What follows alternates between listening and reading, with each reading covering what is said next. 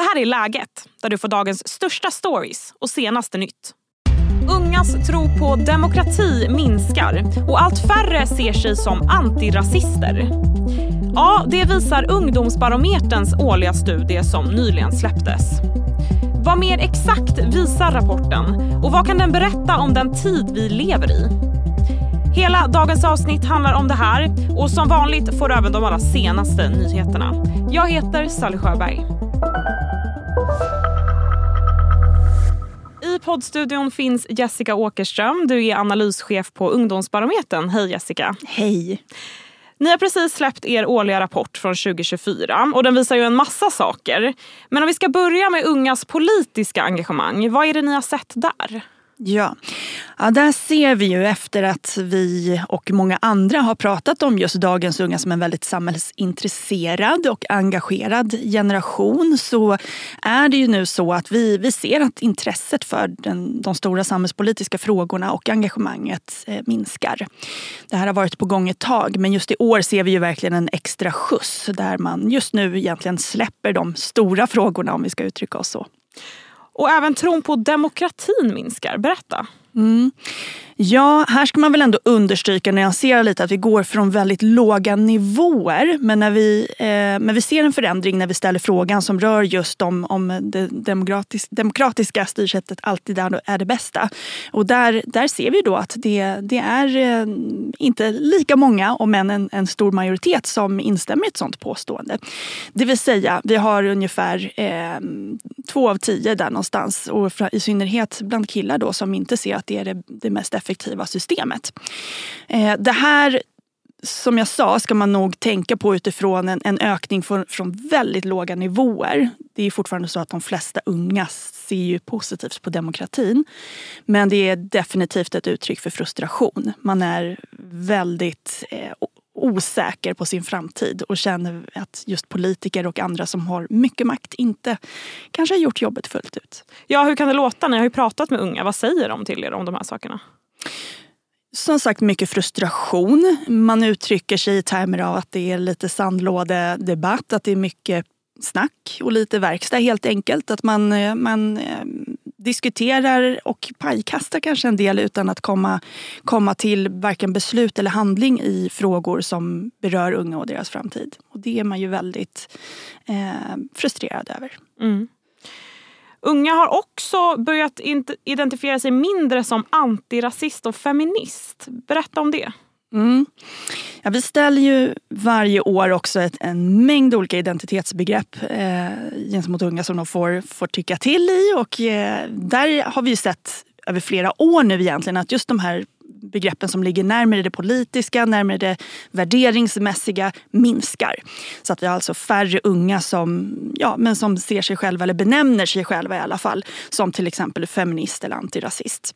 Och här finns det väl egentligen flera olika orsaker. Det ena är generellt om vi ser generationen som sådan, att man vill inte riktigt sätta labels på sig själv längre och vi har mer intressestyrda identiteter idag än värderingsstyrda. Det är liksom den stora förflyttningen.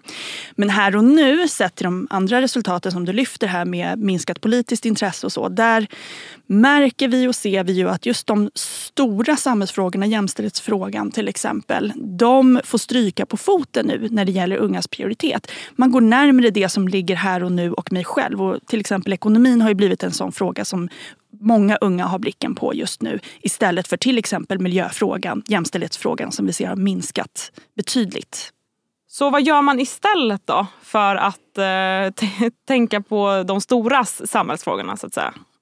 Ja, men det vi ser händer då, det finns ju en del ljusglimtar i det här ändå. För att det som händer när man lämnar de stora frågorna som våra resultat tyder på är ju att man istället går närmre det som ligger nära.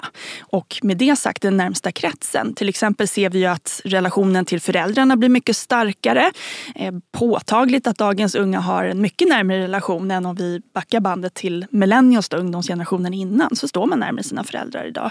Samma sak vad gäller eh, sina vänner. Att kompisar har alltid legat högt upp på ungdomars lista såklart för att det är där man spenderar mycket tid och kompisar är viktiga. Men där är det också så att vi ser att ja, men man spenderar mycket tid med kompisar men man upplever också att livet blir mer rikt på vänner. Så det är också en förflyttning som jag ändå kan anse vara positiv eh, i att man nu skiftar fokus till det som ligger nära.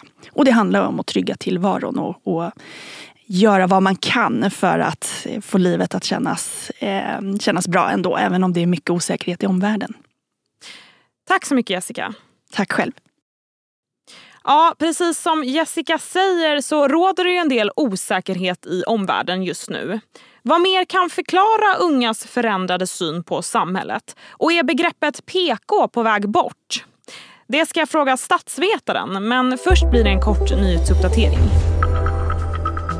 Dödssiffran stiger i Chile i spåren av de vildmarksbränder som härjar i landet. Nu rapporteras det att minst 112 personer har omkommit.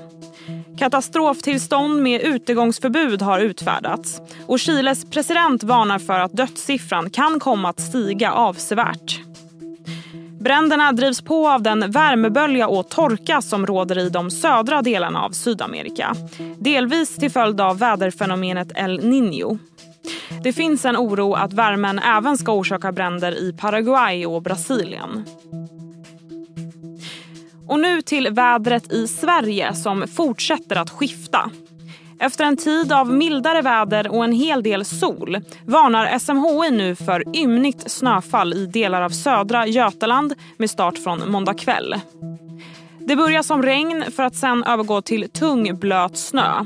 Och gula varningar sträcker sig över norra Skåne, södra Halland, Blekinge och delar av sydvästra Småland. Samtidigt meddelar SMHI att vi har en kallare period att vänta igen där temperaturen från norra Götaland och norrut kommer att ligga på minusgrader. Idag blev det klart att Hollywoodstjärnan Malin Åkerman och komikern Petra Mede leder årets Eurovision Song Contest. Petra Mede har varit programledare för Eurovision två gånger tidigare. Först ensam 2013 och sen tillsammans med Måns Zelmerlöw 2016. Malin Åkerman är främst verksam i Hollywood men har på senare år synts i de svenska filmerna En del av mitt hjärta och Ett sista race. Semifinalerna och finalen av Eurovision Song Contest sänds från Malmö mellan den 7 och 11 maj. Har du också valt att bli egen? Då är det viktigt att skaffa en bra företagsförsäkring. Hos oss är alla småföretag stora och inga frågor för små. Swedeas företagsförsäkring är anpassad för mindre företag och täcker även sånt som din hemförsäkring inte täcker. Gå in på swedea.se företag och jämför själv. Hej, Ulf Kristersson här. På många sätt är det en mörk tid vi lever i. Men nu tar vi ett stort steg för att göra Sverige till en tryggare och säkrare plats. Sverige är nu medlem i Nato. En för alla, alla för en.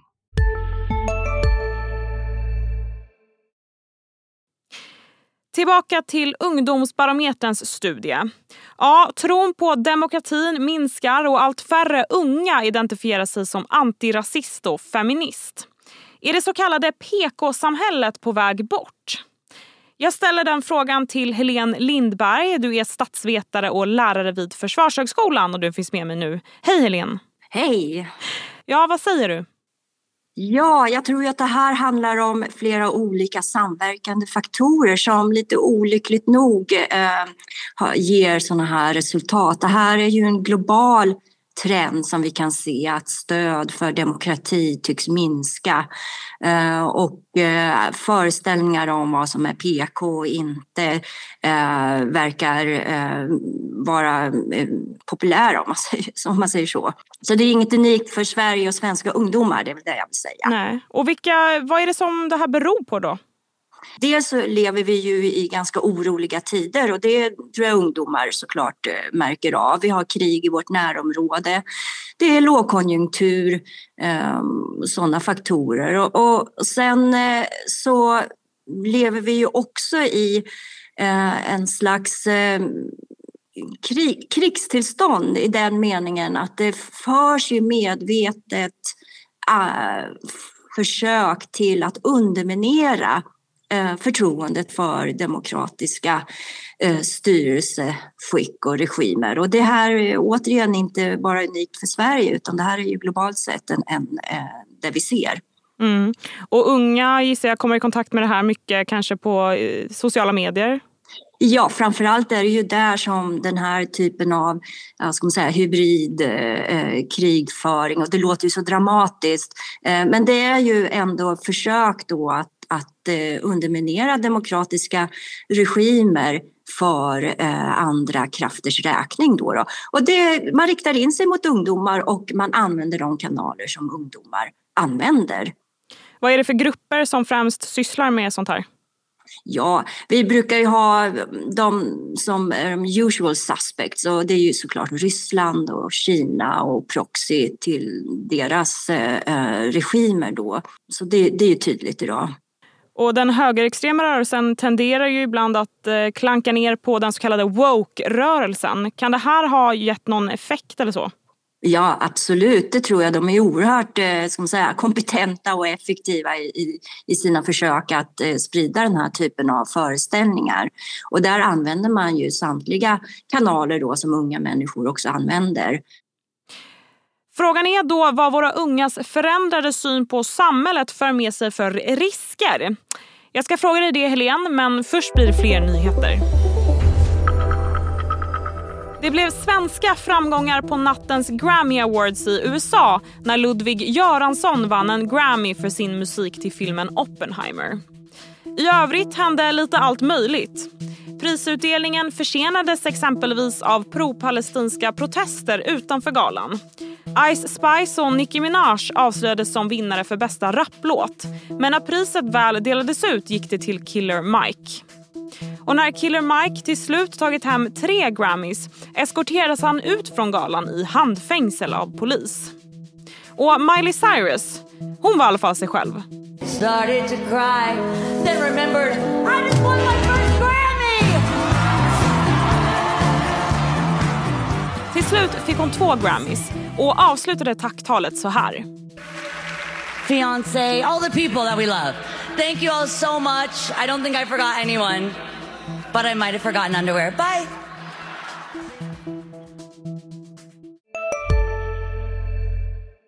Hej, Synoptik här. Hos oss får du hjälp med att ta hand om din ögonhälsa. Med vår synundersökning kan vi upptäcka både synförändringar och tecken på vanliga ögonsjukdomar. Boka tid på synoptik.se.